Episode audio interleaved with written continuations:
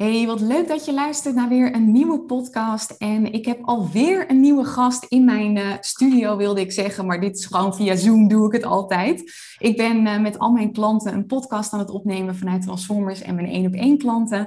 En vandaag zit ik hier met Patrick Elsenberg. En uh, Patrick is toch wel een van mijn meest unieke klanten. Want die zit al het langst bij mij. En hij is uniek in de zin dat hij al sinds nou, oktober 2018 werken wij al met elkaar. Want ik had hem voor het eerst een soort online cursus had ik uh, um, gepromoot destijds. Echt voor 17 euro. Daar deed hij aan mee. En toen is hij steeds meegegaan in alle trajecten. En nu werken we nog steeds samen. En in de tweede zin is hij ook speciaal omdat hij iets heel anders doet dan uh, al mijn andere klanten. Zoals je misschien wel weet, richt ik me met name op coaches, online marketeers en mensen met een dienstverlenend bedrijf. En Patrick is hair tattoo artist. En dat is iets wat je nu misschien nog helemaal niks zegt, maar dat gaan we straks uh, aan je uitleggen. En uh, hij heeft gewoon een enorme ja, ondernemersreis doorgemaakt, waarin hij enorm is gegroeid, zijn business is gegroeid, hij is als mens gegroeid. Dus dit wordt een hele interessante podcast, uh, dat weet ik nu al. Hey Patrick, superleuk dat je er bent. Welkom. Um, ik ben ja, heel benieuwd naar jouw verhaal. Tineke. Hallo. Hey, uh, laten we eens beginnen bij het begin. Want ik wil uh, sowieso dat jij je verhaal gaat vertellen. Maar ik denk dat het eerst belangrijk is mm. voor de luisteraar om te weten wat hair tattoo überhaupt is. Wat, wat is hair tattoo? Ja, dat snap ik. Wat is hair tattoo? Nou, hair tattoo is uh, echt als mensen. Uh, goedemorgen trouwens, Sineke. Goedemorgen. Uh, ja, wanneer de, de luisteraars ook luisteren, hè, kan ook smiddag zijn. Nee, hair tattoo is echt als mensen dus haarproblemen hebben of dunner wordend haar. Dat kan bij mannen en bij vrouwen zijn. Dat we met hele kleine inkstoppertjes, dat we dan kale plekken gaan opvullen, zodat ze echt weer haarvolume hebben. En dat het weer lijkt alsof ze weer haar terug hebben. Dat is eigenlijk heel in kort uh, wat hair tattoo of haarpigmentatie is. Ja, en het wordt dus bij mannen gedaan die ofwel helemaal kaal zijn of kalend, maar het wordt dus ook bij vrouwen gedaan voor volumebehandelingen, noem je dat, hè? Ja, klopt. Ook uh, bij vrouwen. Dus veel denk, vaak denken mensen van, nou, het is alleen maar bij mannen, hè, dat ze mannen een, een, een kort shaven look hebben, maar dat kan het ook bij vrouwen, dus bij langer wordend haar, absoluut. Ja, ja, vooral om die kale plekken op te vullen en het weer meer ja, voller te laten lijken. Hey, en eh, de luisteraar die ziet jou even niet, maar jij hebt zelf natuurlijk ook hair tattoo. Um, yes. Wat er gewoon super mooi uitziet. De look is een beetje alsof je gewoon gemillimeterd haar hebt. Dus dat staat echt super netjes. Um, wat is jouw verhaal daarachter? Hoe ben je ooit in aanraking gekomen hiermee? Ja, uh, ik ben eigenlijk altijd, uh, ik kom uit een, uh, zeg maar, een, een Limburgs dorp. mijn ouders waren ondernemer en ze waren altijd heel erg perfectionistisch. Altijd op het uiterlijk gericht. En nou, had ik een verkeerde spijkerbroek aan. Patrick, hoe zie je er nou weer uit? En op een gegeven moment werd ik ouder. En ja, op een gegeven moment vond ik steeds meer haar te verliezen. En ik vond het zelf te, verschrikkelijk. Dus op een gegeven moment was waren er voor mij twee opties. Of haartransplantatie of haarpigmentatie. Nou, in eerste instantie wilde ik haar transplantatie gaan doen, maar dat was voor mij geen optie. En dat zeiden ze me ook heel eerlijk uh, bij de kliniek. En uh, de tweede optie was uh, haarpigmentatie. En dat heb ik vervolgens gedaan. En zo ben ik er eigenlijk ingerold. Ja, super interessant. Want jij bent er op een gegeven moment, dat heeft voor jou je leven ook veranderd, weet ik inmiddels. En je bent jezelf gaan opleiden om dat ook te doen. Hey, en waar ja. heb jij het toen gedaan? Want dit is echt nog heel nieuw in Nederland. Ja, je bedoelt uh, waar ik dus uh, mijn eigen behandeling heb ondergaan. Ja, ja. dat bedoel ik. Nou, ja, dat was uh, in 2015 bij een bedrijf in Katwijk en Zee. En ja, zij hebben dus die behandeling gedaan. Dat was, ja, zij waren er zo onder de, ja, van onder de indruk, oh, dit is goed gelukt. En dat al heel gauw ja, Sofie in de keukels kwam. En die wilde daar graag een, een tv-programma opnemen. En ze vroeg aan mij of ik dat wilde gaan doen. En op die manier begon het balletje te rollen, zeg maar. Heel tof. Hey, en jij werkte ja. ook nog als docent Nederlands, werkte jij eh, in loondienst. Die baan is inmiddels opgezegd en je doet ja. dit fulltime. Kun je ons eens ook meenemen in wat jouw ondernemersproces eigenlijk is geweest? Want op een gegeven moment besluit je dan, ik neem voor mezelf herpigmentatie. Uh, vervolgens laat je jezelf opleiden om ook zelf specialist te worden. Je start je eigen bedrijf, wat bij jou heerlijk simpel ging. Gewoon lekker op zolder, gewoon professioneel ingericht daar. En je start je bedrijf. Je bent toen ook met mij gestart. Wat, wat waren jouw eerste stappen in het ondernemerschap? Hoe heb je dat aangevlogen? Ja, aanvliegen. Eigenlijk uh, was het in eerste instantie naar aanleiding van een gebeurtenis. Uh, dat, dus ik wil eigenlijk nog een stapje terug als je het goed vindt. Ja, zeker weten. Want, want ja, ik heb uh, in 2013 mijn, mijn, beide ouders verloren. En toen werd ik in één keer enorm met mezelf geconfronteerd. toen, ik zag, ja, ik woonde eigenlijk in een, in een klein huisje, een klein gezinnetje ja, ik had, een, ik had een kleine auto, alles was klein. En ik had een, ja, eigenlijk een small job. Gewoon, ik was gewoon een loondienst, maar ja, ik stond continu tussen vier muren. En eigenlijk was alles klein om me heen. En uh, het enige wat groot was, was mijn, uh, was mijn boekenkast. En, uh, dus dat, en ik, ik had er eigenlijk niet zo'n heel erg vrede mee. Zeker ook mijn ouders waren verloren. En mijn ouders zagen me ook eigenlijk altijd als klein. Van Patrick, nou, wat stel je nou voor? Patrick, dat lukt je niet. Dus ik kreeg altijd, mijn hele leven lang kreeg ik dit soort opmerkingen. Waar dan ook, kreeg ik dat om, om mijn oren geslingerd. Nou, en uh, Patrick, uh, je ziet er niet uit. Weet je, alles kwam wel in het negatieve vaarwater, zeg maar. Ja, toen vond ik echt van, nou, uh, nu dacht ik echt, ja, fuck it, ik ga mijn leven omgooien en ga het echt, echt gewoon in mijn handen nemen. Wat ik, wat ik van diep van binnen ook wist dat ik er gewoon kon. Ja, toen ben ik, zeg maar, ja, heb, ik, heb ik een switch gemaakt naar het, naar het ondernemerschap. Heel tof. Ja, en ja. jij bent toen 2018, kan ik me nog herinneren, ben jij begonnen? Ja, ik ben uh, op, op, zich uh, ben ik al iets eerder begonnen. Dus eigenlijk vanaf 2015 als advies. Hè. Dus gaf ik uh, ja, veelal mannen dus advies op haarpigmentatie. En officieel, ja, toen heb ik me ook eind 2015 heb ik me ingeschreven in de, in de Kamer van Koophandel. Ja, precies. En toen op een gegeven moment, 2018, kwam je met mij toen uh, in contact. En toen zijn we echt een marketingstrategie gaan opzetten. Uh, wat we bij Patrick hebben gedaan, is vooral adverteren op Facebook. Uh, ja. Omdat ook haarpigmentatie is nog niet heel bekend in Nederland. Dus mensen zullen niet zo snel googlen op, op Google, zeg maar, van haarpigmentatie of iets dergelijks. Dus wij merkten dat het via Facebook gewoon heel goed werkt. Doen we eigenlijk ook nog steeds.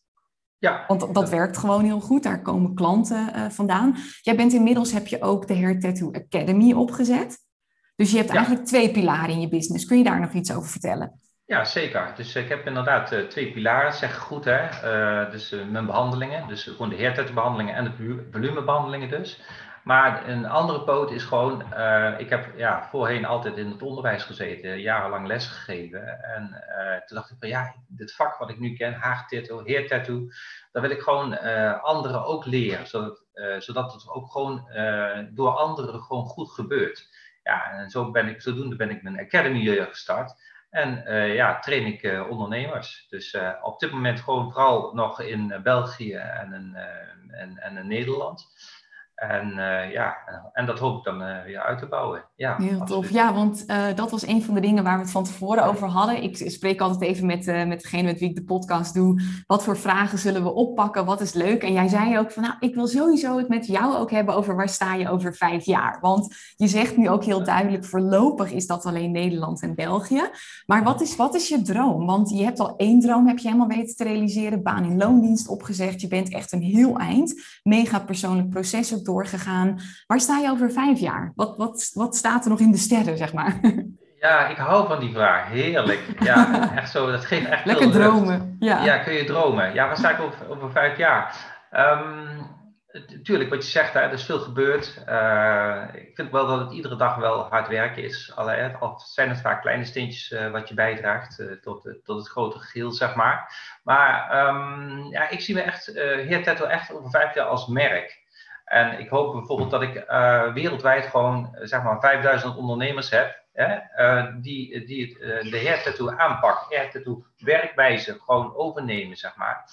En dat ze ook ja, echt succesvol kunnen zijn, ja, zoals, zoals ik dat ook ben. En dat ze ook op die manier ook de klanten helpen, zoals ik de klanten nu ook help. En ook dat ja, succes en dat genoegen mogen smaken, zeg maar. Ja. ja en dan ook, ja, ook ja, wereldwijd. Dat lijkt me wel heel mooi. Ja, en dat past ook zo bij je droom. Want uh, je hebt eigenlijk een beetje een soort van twee missies, voel ik altijd bij jou. Want enerzijds is de missie dat je kalende mannen en vrouwen wilt helpen om ze weer zelfverzekerder te maken, weer lekker in hun vel te zitten. Anderzijds is ook je missie om mensen te helpen om meer voldoening te ervaren. Want je helpt net zo goed de ondernemers die bijvoorbeeld al kapper zijn en die zich ook willen laten opleiden tot hair tattoo artist. En dat was natuurlijk voor jezelf ook jouw ding. Hè? Jij stond binnen die vier muren als docent en dat gaf je niet de voldoening die je uiteindelijk zocht. Dus zo help je met die twee pilaren op twee vlakken uiteindelijk. En, en dat geeft je ook echt die, die drive om maar door te blijven gaan. Want, want jij zegt ook, ik vind het wel vaak hard werken. Um, wat, wat vind jij het lastigst dan aan het ondernemerschap bijvoorbeeld? Waar moet je hard voor werken? Um, nou ja, je hebt uh, goede dagen en je hebt slechte dagen. Maar ik vind eigenlijk altijd van, kijk, ik ben eigenlijk mijn hele leven lang klein gehouden. En, uh, en dat klein houden van mezelf, hè, die, dat, in, dat stemmetje in mezelf, ja, die, wil ik, die gooi ik overboord. Dus als ik morgens ook opsta, inderdaad, hoe, hoe zeg je dat? Je hebt je affirmaties van, nou, uh, wie ben ik? Hè, wat ga ik doen vandaag? En dan heb ik gewoon eigenlijk al gelijk helemaal zin om, om dat te doen waar ik voor sta. Dus ik voel dan mijn why. Ik vind eigenlijk het, het werken met een why, en je, je had net ook de why, die, de wat grotere why, zeg maar, ja, die wil ik gewoon iedere dag voelen. Ja, en dan ja, overstijg ik als het ware mezelf. En dan overstijg ik ook mijn, mijn kleinerende gedachten die ik nog steeds in me heb, nog steeds. En uh, ja, dan werk ik vanuit die why. En dan gaat eigenlijk alles vanzelf. Ja, dat heeft zo'n pool-effect. Ik doe dat ook elke dag weer opnieuw. Jij zegt dan ook je affirmaties. Ik heb dat ook. Maar elke dag word ik ook weer wakker. En dan voel ik eerst ook, nou, ik leef nog. Weet je wel, dat is al heerlijk. Mijn armen doen het nog. Mijn benen doen het nog. Heerlijk. Ik heb weer een dag in dit fysieke apparaat waarmee ik van alles kan doen. Ja. Uh, en ook de tweede, je wordt wakker in een warm bed en met een dak boven je hoofd. Dat is al fantastisch. En dan heb je ook nog een soort missie. Je kunt iets met je handen, met je mond of wat het dan ook maar is waarmee je mensen kunt helpen. Nou, dan, dan sta ik al heel helemaal aan als ik uh, daarbij stilsta. Hey, maar wat zijn jouw eerste stappen dan geweest? Want jij vertelde net ook van dat je heel lang gekleineerd bent. En uh, ik weet wat voor impact dat op je kan hebben. Helemaal als dat al vanaf je jeugd is. Wat, wat zijn jouw eerste stappen een beetje geweest om daardoor heen te breken? Want ik had me helemaal kunnen voorstellen als jij een soort Patrick was geworden die niks durfde en bang was voor alles en dacht dat hij het niet zou kunnen, gezien je verleden, zeg maar. Ja, ja, um, nou ja, kijk, als je, als je uh, een moeilijke jeugd hebt gehad, als je tegenslagen hebt gehad, dan, uh, dan ontwikkel je ook iets anders. Dan ontwikkel je ook een vechtmentaliteit. Kijk, en, en ik ben aan de ene kant ook een, een, vechter om al die problemen te overwinnen. En, uh, en ik zeg ja, ik zeg altijd, ja, het reiken naar succes, het naar succes toestreven, zeg maar, is één ding, maar ook succesvol blijven, dat is het volgende ding. Dus eigenlijk uh, alles wat ik doe, dat, dat blijf ik dan ook volhouden. En, en consistentie vind ik zelf heel erg belangrijk. En um, nou ja, en dan iedere keer stapje voor stapje en uh, van jaar naar jaar toeleveren naar een volgende doel. En uh, ja, dat, dat heeft me uiteindelijk wel ja, gebracht waar ik nu sta, zeg maar. Ja, super mooi inderdaad. En wat zijn voor jou dan een beetje de belangrijkste ondernemerslessen die je tot dusver hebt geleerd? Want je zit nu al een aantal jaren, ben je ondernemer? Nou, dat is de ene les naar de andere les. Ja. Wat had je, laat ik hem anders stellen. Stel nu, jij kon, je had de kans gehad om met Patrick te praten die in 2015 naar de Kamer van Koophandel ging. Wat zou je tegen hem zeggen? Waar, waar zou je hem aan willen herinneren? Wat zou je willen leren als het ware? Ja, vind ik een mooie. Um, kijk, voor mij is uh, een van de belangrijkste lessen is toch wel uh, werk-privé. Uh, ik ben nu weer dat boek aan het lezen over denken in overvloed van liefde en macht en, en geld. Dat dat één. Oh ja, die had ik ook gelezen. Ja. Ja, en dat dat één, één geheel is. Kijk, uh, gaat privé niet goed met je, ga je, gaat het in je business ook niet goed. En die balans, die is zo, uh, zo belangrijk. Ja, dat is een les wat ik uh, me toen had willen vertellen. En ik heb zoveel voorbeelden gezien in mijn, in mijn omgeving, waarbij dat gewoon niet gelukt is. En dan kun je in je carrière nog zoveel succesvol zijn, maar als jij een, een mes maakt van je privéleven, dan gaat dat nooit lukken. Dus die balans is zo belangrijk. Ik heb ook bijvoorbeeld een voorbeeld. Bijvoorbeeld, ja, kijk eens bijvoorbeeld naar Wayne Rooney. Succesvolle voetballer, wil nu graag coach zijn, maar van zijn privéleven maakt hij een, maakt hij een mes. Marco Bassato, nou, hè, succesvolle zanger, privéleven maakt hij een mes. Nou, en zo heb ik echt talloze voorbeelden. Ja. Waarbij ik denk van, ja, die balans is zo belangrijk. Dat is het ook. En het, er zijn maar zo weinig mensen die dat lukt op de een of andere manier. Wat ik dus ook heel bewust heb gedaan. Want ik heb ook eerder er een mes van gemaakt. Ik had toen dat miljoenenbedrijf met mijn ex natuurlijk. Maar dat kon ik ook allemaal niet aan. En ik ben uit het bedrijf gestapt, de relatiestuk. En nu is het allemaal in balans. Maar wat ik toen ook bewust heb gedaan, is bij een businesscoach instappen. Die het tegendeel bewees. Dat het en-en kan. En ik merk dat ik daar nu mee besmet ben. En dat het kan. En jij vindt ook steeds een betere balans tussen werk en privé.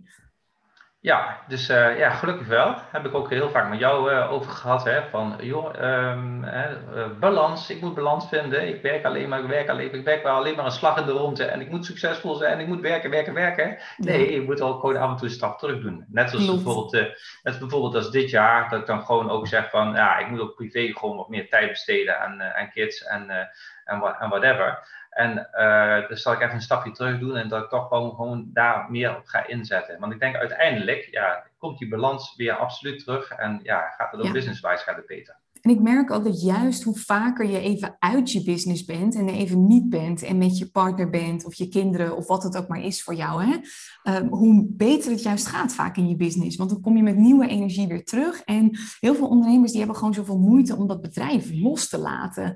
Ehm, ik denk ook dat dat een plek is waar ze heel erg naar erkenning zoeken op de een of andere manier. Want we hebben allemaal onze dingetjes, helemaal allemaal onze onzekerheden. En in die business willen ze zo graag erkenning. En op een gegeven moment hebben ze echt alle doelen al gehaald die ze ooit voor ogen hadden. Want jij staat ook op een fantastisch punt.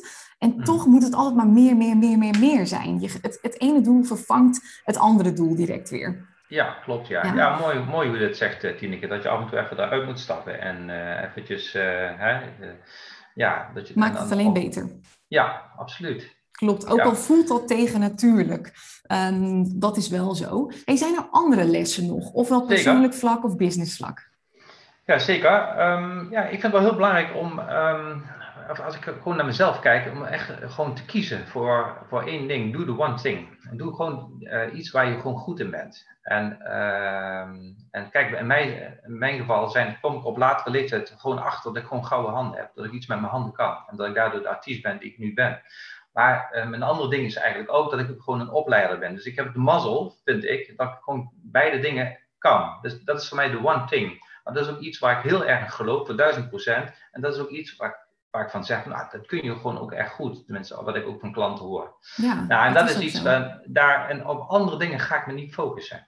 Dus uh, ik, ik zal nooit bijvoorbeeld een, eh, een, een business coach uh, worden, want er zijn andere mensen veel beter in. En ja, echt doe de ding waar je echt zelf goed in bent en, uh, en hou je daar aan vast. Nou, en dan nog, want die les die haal ik uit jouw verhaal weer. Maak het eerst klein, want weet je, jij hebt dan twee talenten. Je bent supergoed met je handen en je kunt het ook nog eens heel goed overbrengen, die kennis. Maar toch zijn we bij jou eerst alleen maar op dat handenstuk gaan focussen. Dus de mensen zelf tatoeëren. Pas later kwam het opleidingsstuk erbij met de Academy. Want die fout maken heel veel ondernemers. Hè? We zijn allemaal, de meeste mensen die hebben gewoon 10.000 ideeën. En ze laten zich continu verleiden door elk nieuw idee, waardoor niks echt lekker van de grond komt. En juist als je al die ideeën tot uiting wilt laten komen, begin met één ding. Want hoe sneller dat staat, des te sneller je ook weer een volgend idee kunt uitwerken. En dat hebben we bij jou gedaan ook. Eerst vol focus op de pigmentatie, nu pas ook de Academy. Ja, en ja. Uh, nou, je, hebt, je hebt een keer een goede podcast opgenomen met uh, Veronique Prins. En die, uh, die benadrukte dat ook heel sterk. En ik vond dat zo'n sterke podcast. Want vooral inderdaad, wat je zegt, die focus op één ding. Daar je al je energie in pompen. En daar ook heel goed in worden. Zeg maar, ja. de, min of meer de beste. Hè? Het beste tussen aanhalingstekens. Ja, dat is zo belangrijk. Ja, dat klopt. Ja, stap voor stap. Stap mhm. voor stap. Hey, en ik zie jou steeds naar een briefje kijken, dus volgens mij heb jij wat notities. Had jij nog andere dingen daarop staan voor qua lessen ook? Of, uh... ja, ja, goed, eigenlijk hebben we het al een klein beetje over gehad. Hè, van uh, het werken van, vanuit, een, uh, vanuit je why. Dat is, kijk, ik wil echt, echt mensen helpen om van hun probleem af te komen. En, en, en um, dan gaat eigenlijk alles vanzelf. Ik heb bijvoorbeeld ook schoolleiders gezien die werkten zonder why. Dus mensen die de schooldirecteur zijn. En ik kom eigenlijk, heb een onderwijsachtergrond. En die werkten zonder visie. Ja, dan verzandt je business of je, wat je ook doet, verzandt op een gegeven moment. En uh, ook ondernemers hè, die, die niet, geen, niet vast, zich niet vasthouden aan die why, ja, die, die, die vallen ook weg. Ja, wat, wat voor mij eigenlijk wel eh, echt het allerbelangrijkste is van, ja, ben altijd jezelf. Um, Ik heb zo vaak gezegd van, oh Patrick, dat lukt je niet, of ga maar niet die kant op. En dan ging ik dan toch juist de andere kant op. En dat, dat, dat heeft mij wel gebracht waar ik nu sta, zeg maar. Ja, en zolang het dan maar authentiek is, dan voelen mensen dat. En dan zijn er ook altijd mensen die juist daarop aangaan, zoals dat jij het doet. Of zoals dat jij het juist niet doet, weet je wel. En dat is super belangrijk. En ik wil nog even terugkomen op die why, want um, dit vind ik nu wel interessant. Ik heb nu in Transformers, heb ik namelijk een aantal mensen die heel erg met hun why werken. Ik ben daar zelf ook iemand van. Ik voel me echt diep verbonden met mijn why. Ik heb ook een aantal mensen die zeggen, ja, ik heb gewoon geen why. En die zeggen, ik vind het gewoon leuk om, uh, uh, om te winnen, zeg maar, in het ondernemersvak. En om gewoon elke keer weer te leren. Nu ben ik wel van mening dat dat ook nog steeds een why kan zijn. Dan is het alleen niet een wereldverbeterende why. Dan is het meer voor jezelf. En uh, ik weet dat er nu waarschijnlijk mensen zullen zijn die luisteren en die denken, ik heb geen why, dus ik ga omvallen. En daarin wil ik even mijn eigen les nog delen. Want ik heb ook drie jaar ondernomen zonder why. Ik, ik wist niet wat mijn why was. En toen zijn die businesses ook omgevallen. Ik haalde er niet echt voldoening uit, want die why was voor mij super belangrijk. Hoeft voor een ander niet zo te zijn. Maar ik had die fases wel nodig om tot mijn uiteindelijke why weer te komen. Want dat had jij waarschijnlijk ook, Patrick. Jij hebt ook lang misschien nog een tijdje ondernomen of niet ondernomen, maar gewerkt of geleefd zonder why. Maar door de ervaringen die je dan krijgt, kom je op een gegeven moment op een soort grotere why. Van waaruit je dan echt je, je levensmissie kunt gaan leven, als het ware. Nou, dat is, uh, dat is heel mooi gezegd, uh, Tineke. Waar haal je die wijsheid vandaan? Nee, nee je komt zo uh, binnen. nee, um, ja, dat heeft inderdaad bij mij wel een hele tijd geduurd, ja.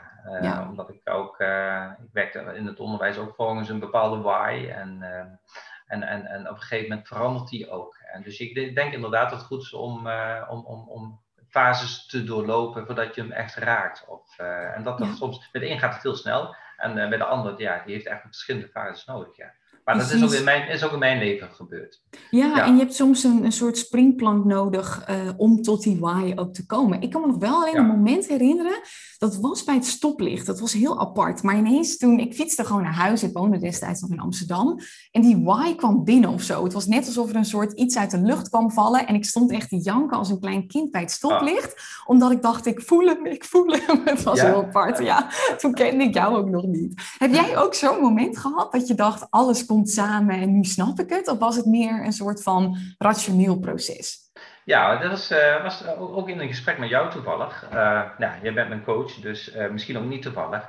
Maar we hadden, hebben in 2019 hebben we een gesprek gehad op de 18 over, over de Academy. Ja. En toen zat ik uh, bij jou nog, destijds woonde je nog in Rotterdam. En toen hebben we een gesprek gehad over de business. En uh, ja, op een of andere manier voel jij dat heel goed aan. Of je voelt de ander heel goed aan. Ik vind dat gewoon zijn eigen absolute kracht. Dus bij mij gebeurde dat. En dat je dan op een gegeven moment zei van ja, maar waarom ga je dan niet ook opleiden? Want dan is, dat is jouw echte kracht ook nog eens. En dan voeg je twee krachten bij elkaar samen. En toen nou, toen was het echt alsof ik... Uh, ik hoefde eigenlijk helemaal niet meer met u te praten, want ik was eigenlijk al klaar. Ik had de wire gevonden ik denk, dit is het. Ik wil verder niks meer dit is het. Ja. Toen kon ik ook gewoon niet meer bij in de rest van het gesprek. Dat was onze kick-off. Dat is ook grappig, want Patrick is al op heel veel plekken geweest. We hebben kick-off in Amsterdam gehad, in Rotterdam. Je bent laatst in Almere geweest. Jij verhuist gewoon een beetje met mij mee. Ja. Nee, maar dat was toen zo mooi. Jij zat echt, het was alsof je de hemel open zag splijten, inderdaad. Van dit is het, dit is het. Ja, ja super fijn. Nou ja, en dan heb je een soort pool ook. En, en dat werkt fantastisch. En um, waar ik het nog even over wilde hebben, is ook jouw marketingstrategie. Want mensen die vragen mij dan best wel vaak van... Uh, Tien, ik hoor jou heel vaak met, met business coaches en andere coaches praten... die zich ook weer richten op de ondernemers. Hoe doe je nou de marketingstrategie in B2C? En dat heb jij natuurlijk deels. Dat is jouw, uh, jouw particuliere kant. En ja, Patrick, jij hebt echt een hele simpele marketingstrategie eigenlijk. Wat we bij jou steeds doen is wel... Je bent heel erg bezig met content. Dus, dus echt elke week een nieuwsbrief stuur je heel uh, trouw. Uh, je hebt je Instagram-account, Facebook-groep, noem het maar op. Maar ook gewoon adverteren en daarmee gewoon continu de budgetten verhogen. Weet je, wij merkten op een gegeven moment dat uh, er kwamen klanten binnen bij 100 euro budget per maand. Ja, op een gegeven moment ga je dan naar 200 euro budget per maand en 300 en zo ga je langzaam opschalen. Um, dus dat hele stuk. En je bent nu ook aan het kijken naar veel meer samenwerkingen nog? Uh, ja, dat klopt. En, uh, maar inderdaad, de, de marketingstrategie is, uh, is bij mij nog heel simpel. Het past ook bij mij. Gewoon doe de one thing en doe dat ook gewoon zo goed mogelijk. Ja. En uh, ja, goed, maar uiteindelijk dan uh, bouw je je naamsbekendheid op en uh, ja, word je ook aan alle kanten verwezen. En dan verwijzen ze naar het Heer Tattoo Instituut. Ja, dat is gewoon mooi. Dat, is, dat, is, dat zijn allemaal, allemaal extra dingen. Ja. En um, ja, nu ben ik me ook wel weer aan het verruimen hoor. Ik ga me de komende jaren wel verruimen dat ik naast de adverteren me ook ga richten op, ja, op andere manieren, zeg maar. Ja, het wordt steeds breder inderdaad. En je bent met rebranding bezig, dat is ook wel mooi. Uh, ik zeg heel vaak tegen mijn klanten, what got you here won't get you there. En waar we bij Patrick eerst heel erg op in hebben gezet, zijn bedrijf heette toen ook nog Hair Tattoo by Patrick. En dat was heel persoonlijk. We hebben toen heel erg het gezet op je eigen verhaal. Dus echt op de emotie inspelen. Dat trok superveel mensen toen ook daarop aan. En nu zijn we meer naar het professionelere, zeg maar, nog aan het rebranden. Uh, hoe heet het nu? Hair Tattoo? Jij mag het zeggen. Hair Tattoo Institute. Yes.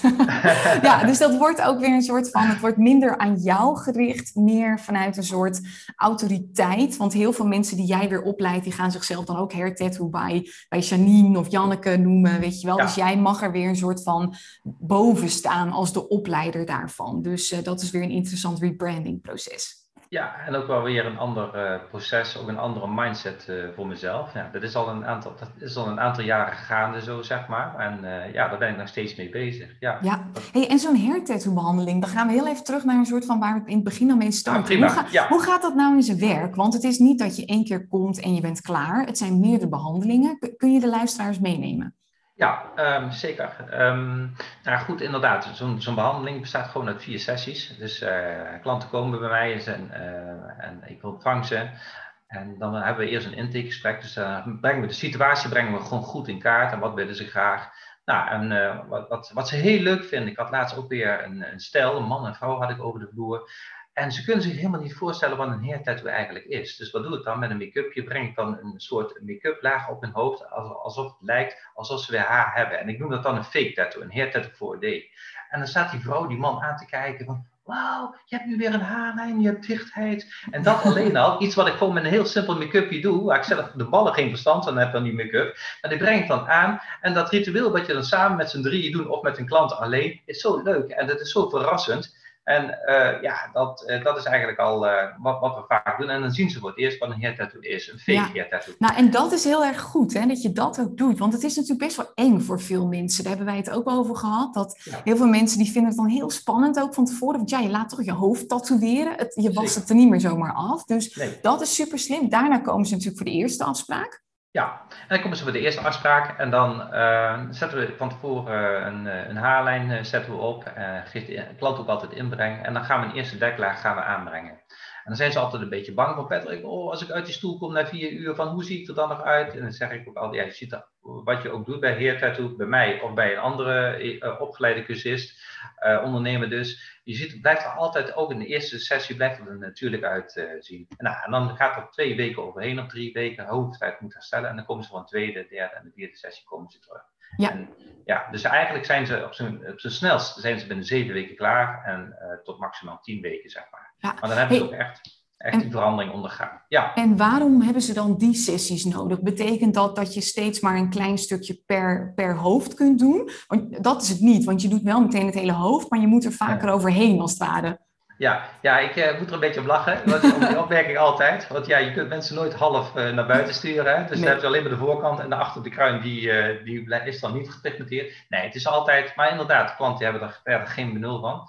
En uh, nee, je pigmenteert ze eerst altijd volledig en dan uh, heb je dan weer uitstoot. Dus de eerste keer heb je 90% van die inkt, die stoot zich weer uit. En, en, en blijft er maar 10% in zitten. En dan val je ook weer terug in de kleur. En dat is gewoon, gewoon heel erg goed. En eigenlijk een golden rule in, binnen de behandelingen, zeg maar. Mm -hmm. Ja, dus na vier keer is het volledig dekkend. Dat is hetzelfde ja. met bijvoorbeeld ook wenkbrauwen. Ik weet dat dat nu best wel populair is van die, uh, god hoe heet het nou, uh, powder brows geloof ik. Dan ja. moet je ook twee keer terugkomen omdat het ook weer uitstoot. Ja, dus ja. Uh, ja, dat is een andere techniek, maar inderdaad, daar, werkt het ook zo bij. Ja. ja. want daar ben ik dan nog wel benieuwd naar. Dat heb ik je eigenlijk nooit gevraagd. Want ik weet met gewone tattoos, dan is het vaak maar één, max twee keer. Is dat een ander soort techniek die dan gebruikt wordt? Ja, de techniek is anders. Met, met een gewone tattoo, hè, bedoel je? Ja. een, een, gewone tatoeage ga je gewoon dieper. Dus ja. de, de techniek is anders en je gaat vijf lagen diep. En bij pigmentatie ga je nog maar twee lagen diep. En je, en je gebruikt gewoon andere inkten. Wij gebruiken echt, we noemen dat hoofdhuidinkten, scalp-inkten. En zijn puur specifiek bedoeld voor, uh, voor de hoofdhuid. Ja, en bij een tatoeage gebruiken ze andere soorten inkten. zijn anders van opzet. Ja, waarbij je dus in, in het lichaam kunt. Ja. Dus uh, dat is toch wel, uh, maar het zit hem vooral in de techniek. Ja, ja precies. Oké. Okay. Nou, ik vind het echt fascinerend, het vak. Ik kijk ook altijd uit naar jouw resultaten van klanten. En wat ik altijd zo mooi vind, is dat ze niet alleen um, uh, gewoon getatoeëerd zijn dan door jou, maar je ziet gewoon dat ze een andere uitstraling hebben. Want ja. het is niet alleen het haar maakt een mens, maar het is gewoon nee. de hele energie eromheen. En jij deelde vorige week nog iets in een besloten Facebookgroep van Transformers en iedereen zei ook, wow, hij is ook meteen 20 jaar jonger geworden.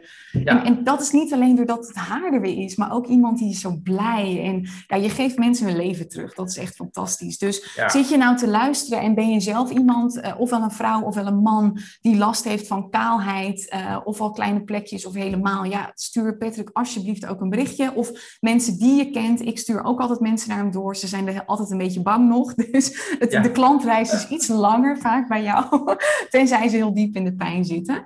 Hey, vergeet ik nog iets? Is er nog iets waarvan je zelf zegt, oh, dat zou ik nog heel graag willen delen? Of...